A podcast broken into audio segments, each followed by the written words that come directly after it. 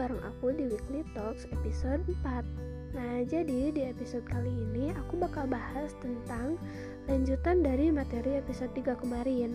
Atau bisa disebut episode kali ini itu tentang aspek-aspek administrasi part 2 Oke teman-teman langsung aja kita mulai pembahasannya Nah, jadi selain dari tiga aspek yang udah aku bahas di episode kemarin, ada juga nih aspek lain, yaitu yang pertama ada komunikasi dan koordinasi.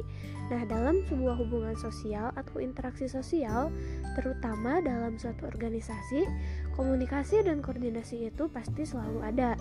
Jika suatu tujuan yang akan dilaksanakan dalam suatu komunikasi telah tercapai, maka akan melahirkan koordinasi. Koordinasi itu sendiri merupakan lanjutan dari komunikasi yang terjalin dari proses interaksi antara anggota dalam suatu kelompok. Nah, koordinasi adalah suatu kegiatan manajemen atau pengelolaan suatu proses dalam mencapai satu tujuan. Dalam proses koordinasi pasti ada komunikasi, tetapi dalam proses komunikasi belum tentu ada koordinasi. Dalam konteks ini tujuannya adalah untuk mengarahkan dan memastikan bahwa proses yang dilakukan bisa betul-betul mencapai tujuan yang telah direncanakan.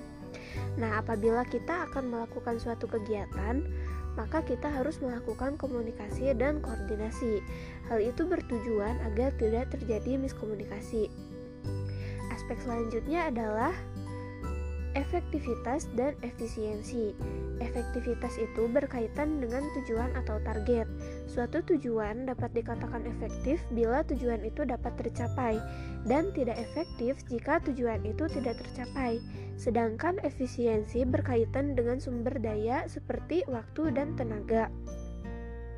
Lalu, yang terakhir ada kinerja dan produktivitas. Kinerja merupakan kemampuan atau keterampilan dalam melakukan suatu pekerjaan sesuai dengan tuntutan atau instruksi yang ada. Sedangkan produktivitas adalah hasil kerja yang dapat dilihat dari suatu kinerja seseorang. Nah, kinerja ini terbagi ke dalam tiga tingkatan, yaitu kinerja individu, kinerja proses, dan kinerja organisasi. Nah, kinerja organisasi ini mencakup kinerja proses dan juga kinerja individu. Lalu selanjutnya terdapat 6 kriteria dalam mengukur kinerja. Yang pertama dapat dilihat dari jumlah tujuan yang telah dicapai.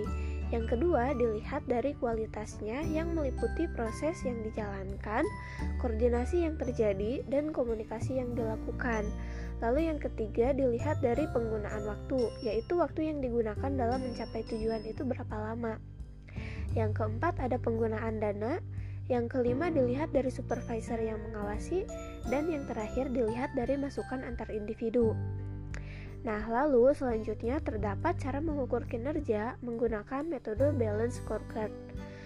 E, yang pertama dapat dilihat dari perspektif konsumen. Lalu yang kedua dilihat dari perspektif proses internal.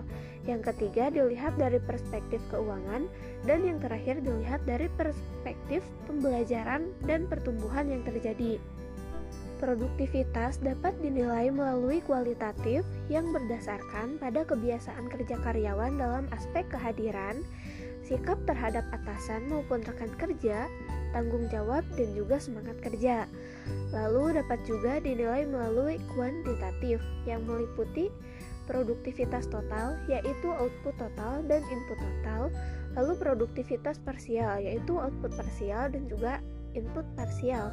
Perbedaan antara kinerja dan produktivitas salah satunya adalah kinerja lebih menitik beratkan pada efektivitas penggunaan waktu, sedangkan produktivitas lebih menitik beratkan pada efisiensi penggunaan sumber daya. Nah, oke okay, teman-teman, cukup sekian review materi episode kali ini. Semoga dapat menambah pengetahuan kita semua ya. Sampai jumpa di episode selanjutnya. Bye.